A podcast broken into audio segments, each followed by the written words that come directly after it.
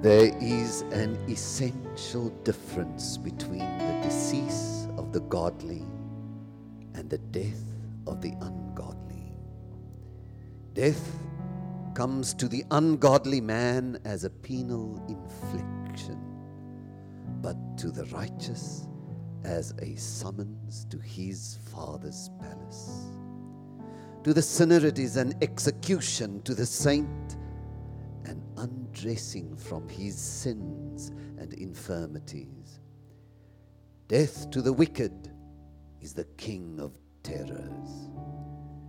Death to the saint is the end of terrors, the commencement of glory. Hoe dink jy oor die dood? Dit wat ons vandag op Paasondag herdenk, kan verskillende uitwerkings op mense hê. Maar 'n uitwerking sal dit beslis hê. Sommige sal hier uitgaan met verwondering. Kan dit wees? Is dit waar? Staan dit regtig in die Bybel? Is 'n wonderlike verwondering om te hê. Sommige sal voel ek vrees minder of ek treur anders. Sommige sal voel ek moet dink oor die dood. Is ek gereed? Ek moet veranderings in my lewe maak as hierdie wonderlike goed wat hier gesê word ook vir my moet geld. Maar ons almal sal weet as dit wat ons vandag hier vier waar is is die dood nie wat ek in my gewone menswees dink dit is nie. As dit wat die eerste disippels vertel van wat hulle gesien en beleef het en waarvoor hulle bereid was om te sterf. As dit waar is, dan verander Paas Sondag werklik alles. En vanoggend vra ek jou om jou gedagtes te gee vir die revolusionêre inligting wat die Bybel vir jou het oor jou eie dood. Gee jou gedagtes vir die grootste nuus van alle eeue. Kom ons bid saam. Here wat opgestaan het. Here wat die dood oorwin het praat met my. Wys my wat gebeur het. Help my om dit te glo. O Here van die Paasoorlog, kom na my toe. Praat met my. Amen. Hierdie Paasnaweek praat ons oor oorlog. As Vrydag vir die vyand van alles wat goed is 'n verskriklike terugslag was. 'n Verminking. Dan was Sondag vir hom 'n absoluut verpletterende nederlaag in die groot oorlog. Inderdaad 'n Sondagslagting. Ek wil die verhaal nie vooruitloop nie. Maar ons kan tog nie wag tot aan die einde van die diens dat ons doen wat die vroeë kerk gedoen het nie. Die eerste volgelinge van ons meester is vervolg. Daarom het hulle geheime maniere uitgedink om met mekaar te kommunikeer. Een so manier was om 'n teken van 'n vis so met hulle wysvinger en middelvinger te maak en mekaar so te groet. Op Paasondag het hulle mekaar dan gegroet met een van die kortste geloofsbelijdenisse wat daar is. Hulle het gesê Christus Victor. Christus oorwinnaar. Hulle het bely Jesus leef. En ek wil jou nooi hier in die begin van die diens staan vir 'n oomblik en bly dan sommer staan. Moenie weer gaan sit nie en groet iemand op hierdie opstanding Sondag en bely saam met miljoene op aarde en in die hemel vandag Christus Victor. Kom ons staan en doen dit.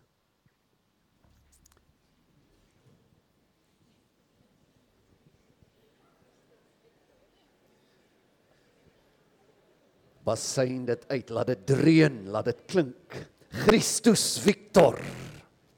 Elke keer wat jy jou geloof bely, is jy deel van Christus se oorwinning in die groot oorlog. 'n Ander gebruik wat die vroeë volgelinge van die Here gehad het, was om met hulle voet 'n vis in die grond te teken. Dit kan jy nou ongelukkig nie vandag doen nie. Hoekom 'n vis? Hoekom 'n vis met die groet en 'n vis in die grond teken? Die woord vir vis in Grieks is ichthus. Daar kan jy dit sien. Ichthus. Die woord ichthus wat vis beteken is as 'n akroniem gebruik. Jy weet wat 'n akroniem is. Elkeen van die 5 letters van die woord is gebruik as 'n eerste letter om 5 ander woorde te maak. En die 5 ander woorde, hier kan jy nou presies sê wat die vroeë kerk sê, jy kan dit sommer in Grieks sê. Die 5 woorde is Jesus Christus, Theou Huios Souteier. Sê dit saam met my. Jesus. Nee mense. Dis Paas Sondag. Jesus. Christus. Theou Huios. Souteier. Sê dit weer. Jesus. Christus. Theou Huios. Souteier. Die idee is nie dat jy al hoe sagter gaan nie. Die idee is al hoe harder. Jesus. Christus. Theou Huios. Souteier. Jesus Christus, seun van God, redder. Vrydag was 'n Vrydag van verminking. Die wonde aan ons meester was wreed, onmenslik, skokkend, verskriklik. Maar die wonde wat aan die vyand van God en die mens toegedien is, was so dodelik dat hy nooit weer sal kan herstel nie. Na die Vrydag verminking van jou vyand sal niks ooit weer dieselfde wees in die groot oorlog wat in die heelal woed nie. Die oorlog is nie verby nie, maar die groot slag is geslaan. Moet jou nie laat mislei dat Jesus se woorde dit is volbring. En Vader, in U hande gee ek my gees oor, maar net sterwenswoorde was en dat hy so eintlik as 'n verpletterde die dood in is nie. Nee. Toe Jesus sê dit is volbring, tetelestai, dit is betaal, die prys is betaal, was dit werklik betaal finaal. Daar is geen sprake van 'n verdere lyding of foltering in die doderyk of verdoemenis nie. Paulus sê ons verkondig die kruis, dit is die krag wat die prys vir jou en my betref, wat die worsteling met die bose en sonde betref, wat lyding en die dood betref, die kruis self was God se groot plan. Dit is volbring, beteken dit is volbring. Dit is volbring toe hy deur God verlate is, met boosheid omring is, ons sonde op hom geneem het maar steeds getrou gebly het tot sy laaste oomblik. In daardie ure was daar 'n ewigheid van pyn en van foltering in Jesus se liggaam, siel en gees. Dit het daar uitgewoed in daardie ure vanaf die nagtelike ure in Getsemane tot 3 uur die middag toe hy gesê het dit is volbring. Dit is volbring beteken absoluut en onomkeerbaar volkome en finaal. Dit is volbring. Petrus sê iets aangrypend oor wat op daardie oomblik gebeur toe Jesus fisies sterf. Petrus sê dat Christus liggaamlik gesterf het en dan nog voor hy opstaan op die Sondag. Lewend gemaak is in die gees en as lewende gees die doderyk besoek het en daar sy oorwinning gaan proklameer het. Kyk weer wat sê 1 Petrus 3. Want Christus het ook eenmaal vir die sondes gelei. Hy die regverdige vir die onregverdiges om ons tot God te bring. Hy wat wel gedood is na die vlees. Maar lewend gemaak deur die gees in wie hy ook heen gegaan het en gepreek het vir die geeste in in die gevangenes wat eertyds ongehoorsaam was. Hoe is Jesus in die doderyk in? Lewend gemaak deur die gees. Vir die disippels was dit 'n stil Saterdag. 'n Worsteling en 'n geloofskrisis. Maar Christus hy het nie 'n stil Saterdag van twyfel gehad nie. Christus was onmiddellik na sy oorgawe aan die kruis die hemelheer wat hy was voor hy mens geword het. Hy was dadelik die geestelike heerser wat hy in die ewigheid was. Sy liggaam was dood, maar kyk weer wat Petrus sê. Sy wese was geestelik lewend gemaak en hy het iets gaan doen. Ook in Handelinge 2 sê dieselfde outeur Petrus. Of is dit Lukas hierdie keer, maar Lukas is die outeur, maar Petrus is aan die woord. Hy sê dat Jesus God se nabyheid in die doderyk beleef het en met vreugde van sy Vader bewus was. Kyk wat sê dit. Ek het die Here, Petrus haal hierdie aan. Hy sê ek het die Here altyd deur voor my gesien. Hy praat van Jesus na hy gesterf het want hy is aan my regterhand dat ek nie sou wankel nie. Daarom is my hart bly en my tong juig. Ja, ook sal my vlees nog rus in hoop, want U sal my siel nie aan die doderyk oorlaat of U heilige oorgee om verderwing te sien nie. Jesus se Saterdagtaal is nie meer Vrydagtaal nie. Dis oorwinningstaal. Ja, sy disippels het getreur, maar Jesus was vol blydskap. Die hemel het gejuig en die doderyk het gesidder. En wat was die situasie in die groot oorlog waaroor ons hierdie naweek praat? Die vyand het reeds op Vrydag geweldige terugslag beleef. Alwaarvoor hy nou miskien kon wens en ons spekuleer maar net. Is is miskien dat Christus al was hy reeds geestelik lewend en kragtig besig om sy Vader se werk te doen, al was hy besig om aankondigings te doen, te proklameer en dinge in 'n verdoemde plek te sê waarvan elke woord soos 'n pyniging moes wees vir die bose verleier. Jesus gaan daar in daardie domein in en hy sê iets as die lewende geestelike Here. Alwaarvoor die bose miskien nog kon wens is dat Christus se liggaam vir een of ander rede nie nog ook opgewek sou word Maar hy sou net kon hoop op 'n manier soos wanneer 'n mens hoop. Ken jy daai hoop? Jy hoop dat jy eksamen gaan slaag waarvoor jy niks geleer het nie. En waarvan jy niks van die vak weet nie en jy het nog altyd al die al die eksamens gedryf. Jy weet iets kom. Dis verseker. Dis onvermydelik. Maar die werklikheid van dit wat kom is so onhanteerbaar erg en bedreigend dat jy met wensdenkery probeer om te hoop, maar nie regte hoop nie. Jy probeer net om die pyn van die bedreiging minder te maak. Jy probeer jouself net oortuig dit dit gaan nie wees nie. So was dit vanaf Vrydag tot Sondag in die oorlog.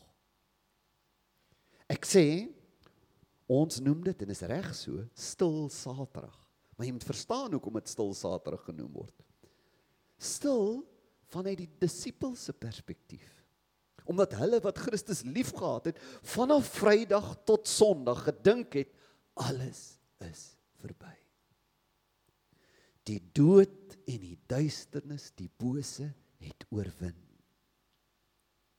Dinge was nie wat ons gedink het dit is nie. Christus was nie wie hy gesê het hy is nie. Hy is nie die seun van God nie. Hy het gesterf. Maar in die binneste van die ewige vyand was dit alles behalwe stil. Dit was die ergste van drie datums in die ewigheid vir hom. daardie Vrydag, Saterdag en Sondag. Die drie datums wat as hy kon hy dit sou wou uitwis. Die drie datums waaraan jy hom telkens herinner wanneer jy jou vertroue in die meester van die kruis en die leë graf plaas. Die afwagting en angs van die bose kom eintlik reeds eeue der eeue. Kom ons dink. Wat is die bose se groot agenda? Hierdie opstanding uit die dood is vir eeue reeds voorberei. Kom ons dink sy agenda. Sy agenda is die dood. Wat is in die wese van die bose aan die gang vandat hy 'n rebel geword het? Wat is daar? Wat is in boosheid? Vernietig dit wat vir God kosbaar is. Dis sy agenda. Verlei, mislei, verdonker, verwoes mense veral. Bring hulle op 'n plek dat hulle God haat of God ignoreer of God weerstaan of hulle self oortuig God bestaan nie. Dis sy agenda. Dat hulle op 'n plek kom dat hulle God blameer vir die pyn en stryd in hulle lewe. En dan die toppunt van sy agenda, laat hulle sterf sonder om God te vertrou. En hy wil hom verlustig in God se verlies. En so wil hy voel dat hy eintlik 'n heerser is. Dat hy magtiger as God is. Kyk, want ek het God beroof. Dis my toe doen dat hulle in hierdie toestand sterf. Hy wil sien hoe hulle ewig van God verwyder is. Dit is sy groot verwronge plesier.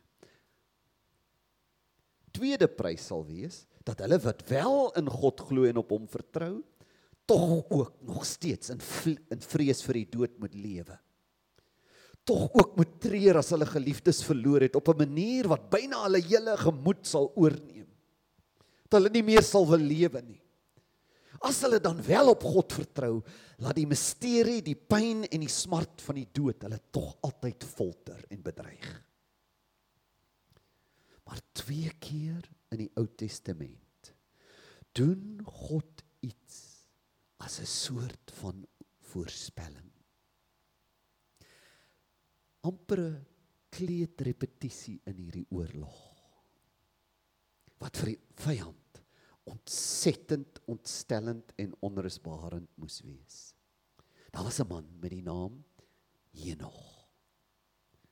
Hy is so gelowig en het God so lief dat God besluit om iets vooruit te doen.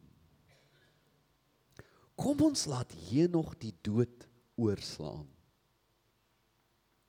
Die vyand smeel Hy's woedend en verward. Hoe kan dit gebeur? Die mensdom is sondig en hulle moet sterf. Maar Genesis 5 sê Henog het met God gewandel en hy was daar nie meer nie want God het hom net weggeneem. Die message sê dit so van mooi vir my. Enoch walked steadily with God and then one day he was simply gone. God took him. Hoe is 'n kleuterpetisie mense? Daar kom nog so 'n dag. Die amplified bible sê he walked in habitual fellowship with God. And he was not. For God took him. En weet jy voor God hom vat, sê die Hebreërs skrywer, God sê vir hom, "Henog, jy behaag my. You are pleasing to me. Kom ons vat hom. Eeue en eeue verloop, die vyand verlustig hom in mense se angs en verdriet. En dan skielik is daar weer 'n profeet, Elia. Hy leef 'n ongekende toegewyde lewe en God besluit weer 'n keer om net te wys wat kom. Wat wag. En op 'n dag kom haal God net vir Elia kom ons skiep die dood met jou. En terwyl Elia en Elisa gesels gesels verder gegaan het, was daar skielik O, ek hou van daai woord en dan kom weer so skielik eendag. 'n voorspelling. Was daar skielik 'n wa van vuur met per, van vuur met perde van vuur wat hulle twee van mekaar geskei het en Elias in 'n stormwind op die hemel in. Een van God se kleuterpetisies. Die vyand sê: "O, haat ek dit. Mense moet sterf." verkieslik verlore, verkieslik vol woede, haat en ongeloof en bitterheid. Maar indien nie ongelowig nie, dan ten minste vreed sterf, beang sterf, verward sterf. Nou buite in hierdie twee voorspellings, is daar iets anders in die oorlog aan die gang. Daar's 'n ander verhaal wat eeue lank reeds afspeel. Dit gaan oor God se getal 7. 6 keer gebeur dit. 6 verskriklike terugslag vir die vyand. Onthou, die duiwel ken die betekenis van die Bybel beter as ek en jy. En Jakobus in die Nuwe Testament sê, die duiwel is 'n gelowige. Hy glo in God en hy glo in die Bybel. Maar hy glo op 'n manier dat hy weet dis waar. Ek kan nie daarteen stry nie, maar nie glo in die sin van ek vertrou God nie. Die duiwel is 'n gelowige. Hy ken die skrif en hy weet wat die skrif beteken. En die duiwel weet wat die getalle in die Bybel beteken. Voor die Sondagoggend waaroor vandag gaan, het die duiwel se boekhouding in die Bybel hom in 'n paniekerige toestand. 6 keer doen God iets. 6 verfoeilike afskuwelike kere. 6 keer sedert die bestaan van die mensdom, die mensdom gemaak in God se beeld, daardie beeld wat ek die bose, die heerser oor die dood so haat. 6 keer het dit voor die opstanding sonde gebeur dat God iets gedoen het wat hom wat Jesus 'n mensemoordenaar genoem het en 'n iemand wat oor die dood heers. Ses keer ontstel iets hom geweldig. Dit vul hom met afgryse. Nommer 1. 1 Koning 17. Die eerste keer in die geskiedenis. Iemand sterf, 'n weduwee se seun. Sy bring hom na die einste profeet Elia wat later net weg is. Hy strek hom 3 keer oor die seun uit. Die vyand giggel. Weet Elia nie? Hierdie eenvoudige profeet, die dood is die dood en ek is die heerser. Hierdie vrou moet treur. Sy moet gemartel word sonder hierdie kind. En dan die eerste hou. Hoe is dit moontlik? Dit kan nie. Dit durf nie. Elias trek hom uit oor die see. En die see begin asemhaal. Die dood is aan finaal. Hoe is hierdie moontlik? Dis bedrog. Nommer 2, 2 Konings 4. Weer sterf 'n seun. Sy ma vertrek na Karmel, 'n berg waar Elia se opvolger Elisa is.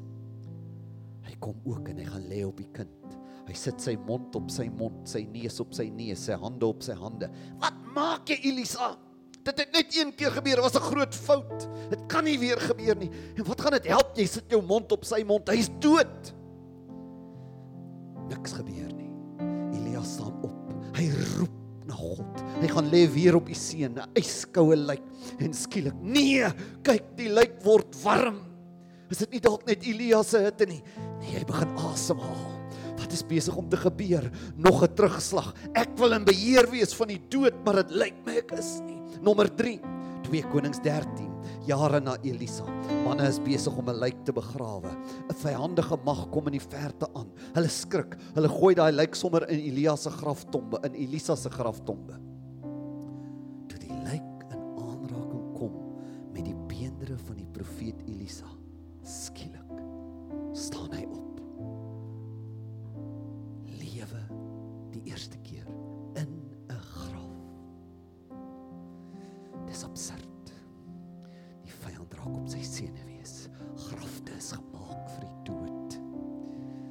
Liggame behoort nie in grafte op te staan nie. Dis nou al drie keer dat dooies leef. Nommer 4. Lukas 7. Eeue verloop. Die vyand voel nou gerus. Dit het eeue en eeue nooit weer gebeur nie. Dit lyk of die dooie is nou dood bly. Ek is in beheer. Daar is genoeg vrees en angs en rou. Mense is bang oor die dood. Hulle het allerlei afgoderye.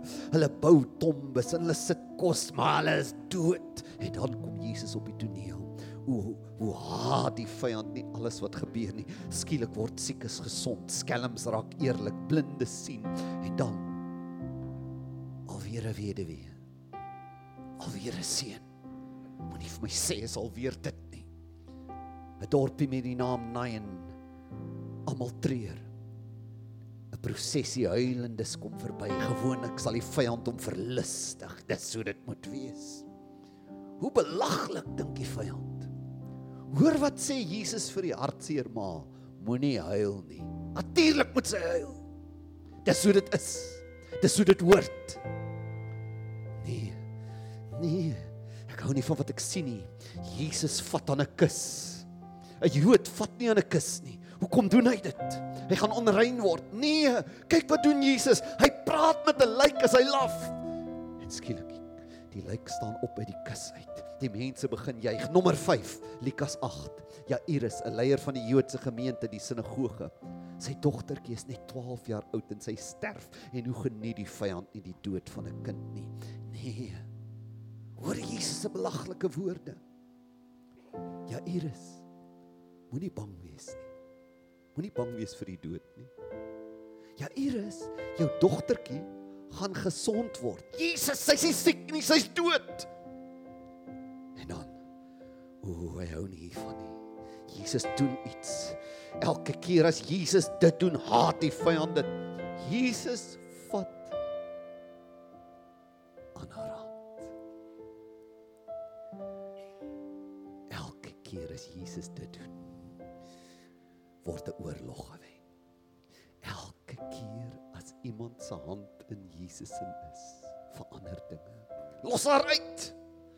Moenie aan haar hand vat nie.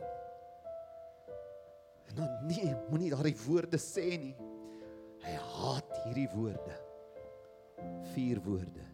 Ek sê vir jou. Ek sê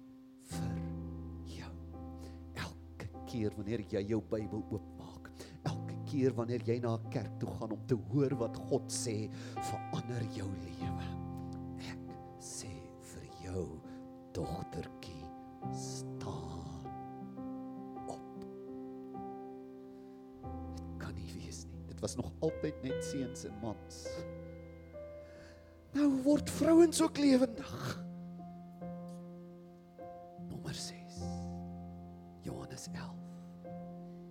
Jesus se vriend Lazarus word siek. Hulle laat Jesus weet. Jesus verseker sy disippels dat die siekte nie tot die dood toe sal lei nie. Miskien raak die vyand opgewonde. Jesus is verkeerd want Lazarus sterf. Hy sterf nie net nie, hulle begrawe hom en hy begin ryk. Hy verrot. Jesus het hom die keer misgis. Jesus sê vir sy disippels: Moenie bekommer nie. Lazarus was siek, maar nou slaap hy. Jesus, jy's verkeerd. Hy slaap nie. Hy's dood. En dan hoe geniet die bose nie die kortste sin in die Bybel nie. Dit sê Jesus kom daaraan. Jesus het gehuil. O, dit is wat ek wil sien. Dis hoe dit moet lyk.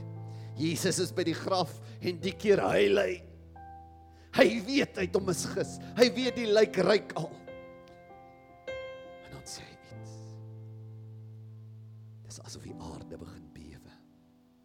Jesus sê hierdie woorde: Rol die steen weg. En dan skree hy met 'n stem wat alles wat dood is laat bewe. Dis goed Jesus het 'n naam genoem. As hy net gesê het kom uit was daar chaos. Hy sê Lazarus kom uit. Die oorlog is besig om dramatiese afmetings aan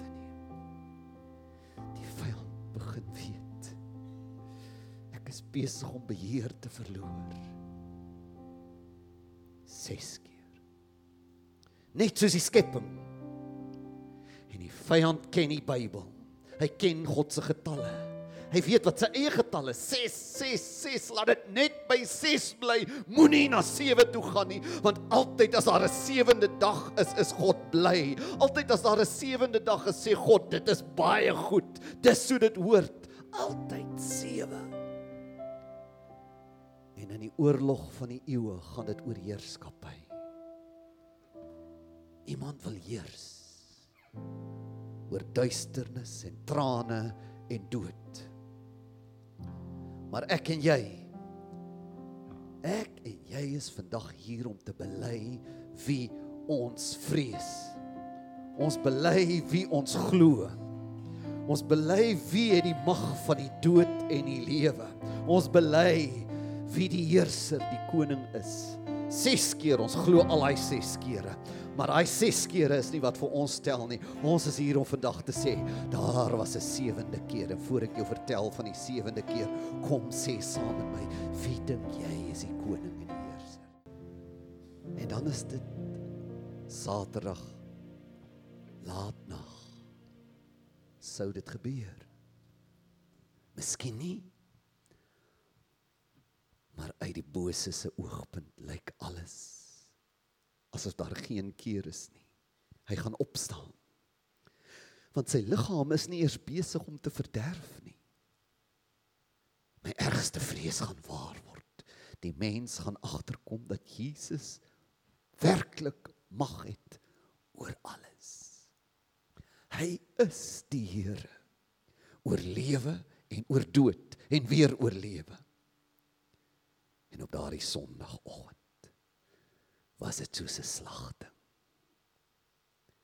Die finale oorwinning. Die sewende keer het aangebreek. Die eerste dag van die week het die sewende keer van die opstanding uit die dood geword. Dit was die onvermydelike oomblik vir die vyand.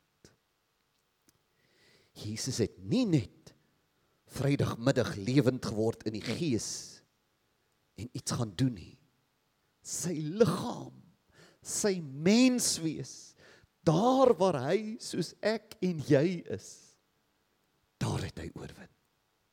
Hy het sterflikheid, menslikheid, tydelikheid ewig kom maak.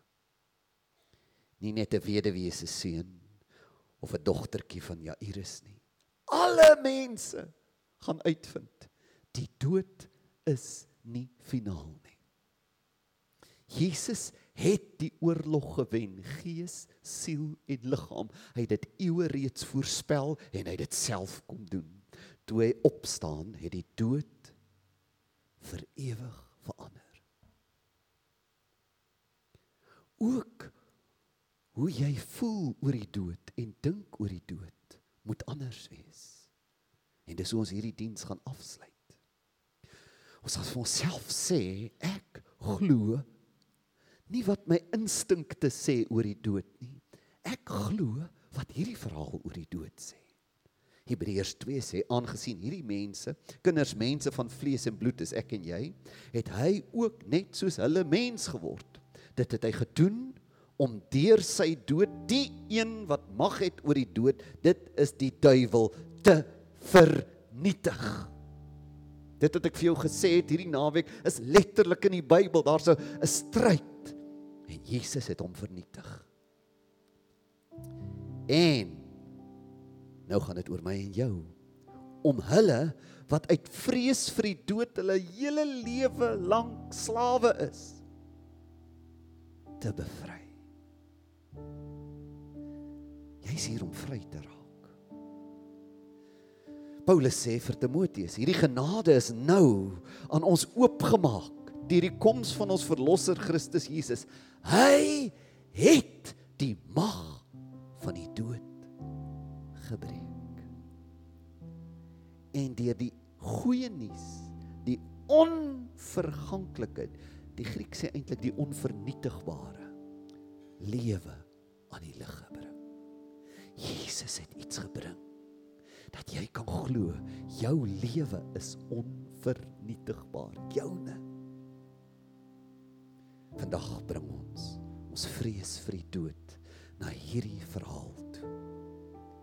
Ek bring my vrees vir die pyn van die dood. Bring dit vandag. Sê Here, dit is nie hoe ek dink. Ek bring my vrees vir die onbekende. Ek weet nie wat gaan gebeur nie, maar dit hoe ek natuurlik dink hierdie donker gat of boosheid dit is nie soos dit is nie. Ek bring my vrees vir die oordeel. Here, U maak my vry. Ek bring my vrees vir hartseer en skeiding is een van die bedreigings van die dood. My mense, my besittings. Ek is so lief vir my katrolle. En my knipmesse, en my karre, en my huis. Ek moet dit als groet. Here, ek bring hierdie vrees, hierdie hartseer van skeiding, my mense. Is die finaal nie. Ek bring my ongeloof. Ek bring my ongehoorsaamheid. Ek bring my onvoorbereid. En Here, help my om te glo wat die Bybel sê oor die dood en te doen wat nodig is dat die dood my nie bedreig nie. Wil jy dit vanoggend doen? In 'n paar minute. Vat jou hart se kamers en maak hulle so oop. Sê Here, laat u inligting nou hier instorm. En laat ek dit vir altyd glo en bære. Ek gee vir mense wat sterf hierdie Ek neem dit op op 'n CD en ek sê, moenie glo wat jy vrees nie, glo wat God sê oor die dood. Dis ons hierdie diens gaan afsluit. Jy sê die oorlog is nie net daar gewen by die leë graf nie, die oorlog is in my eie binneste gewen. Ek glo hierdie ding. Maak jou hart oop vir die mees aangrypende, radikale, revolusionêre inligting oor die dood dit wat ongelowig is heeltemal verwerp, maar wat ek en jy vandag glo. Ek gaan dit vir jou lees. Jy vat dit. Is dit reg? Kosbaar is in die oë van die Here die dood van sy gunsgenote. Voorwaar, voorwaar ek sê vir julle as iemand my woord bewaar, sal hy die dood in der ewigheid nie sien nie. Ek is die opstanding en die lewe. Wie in my glo sal lewe al het hy ook gesterwe en elkeen wat lewe en in my glo sal nooit sterwe tot in ewigheid nie. Die wat waardig geag word om daardie eeu en die opstanding uit die dode te verkry, kan ook nie meer sterwe nie, want hulle is soos engele en is kinders van God omdat hulle kinders van die opstanding is. Ek is 'n kind van die opstanding, want niemand van ons leef vir homself nie en niemand sterf vir homself nie, want as ons lewe, leef ons tot eer van die Here en as ons sterwe, sterf ons tot eer van die Here. Of ons dan lewe en of ons sterwe, ons behoort aan die Here, want hiervoor het Christus ook gesterwe en opgestaan en weer lewend geword om oor die dode sowel as die lewende te heers. Vir my is die lewe Christus en die sterwe wins. In al hierdie dinge is ek meer as 'n oorwinnaar deur hom wat ons liefgehad het want ek is verseker dat geen dood of lewe of engele of owerhede of magte of teenwoordige of toekomende dinge of hoogte of diepte of enige ander skepsel ons sal kan skei van die liefde van God wat daar in Christus Jesus ons Here is nie. Die wêreld of lewe of dood of teenswoordige of toekomstige dinge alles behoort aan julle. Kyk wat sê die Bybel die dood behoort aan jou. Jy jy is die in beheer maar julle behoort aan Christus en Christus aan God want hierdie verganklike moet met onverganklikheid bekleë word en hierdie sterflike moet met onsterflikheid bekleë word. En wanneer hierdie verganklike met onverganklikheid bekleë is en hierdie sterflike met onsterflikheid bekleë is dan sal vervul word wat die woord wat die woord uh, wat geskrywe is. Die dood is verslind. Die oorlog is gewen Die dood is verslind in die oorwinning. Dood, waar is jou angel. Wat kan jy aan my doen? Doderyk, hoe gaan jy my ooit oorwin? En toe ek hom sien, val ek soos 'n dooie aan sy voete en hy het sy regterhand op my gelê en vir my gesê: Moenie vrees nie. Ek is die eerste en die laaste en die lewende en ek was dood en kyk, ek leef tot in ewigheid tot in alle ewigheid. Amen. En ek het die sleutels van die doderyk en die dood. En ek het 'n groot stem uit die hemel hoor sê kyk die tabernakel van God is by die mense en hy sal by hulle woon en hulle sal sy volk wees en God self sal by hulle wees as hulle God. En God sal al die trane van hulle oë afvee en daar sal geen dood meer wees. Daar sal geen dood meer wees nie. En ook droefheid en geween en moeite sal daar nie meer wees nie. Want die oorlog is amper verby. Maar die oorwinning is reeds behaal. Die eerste dinge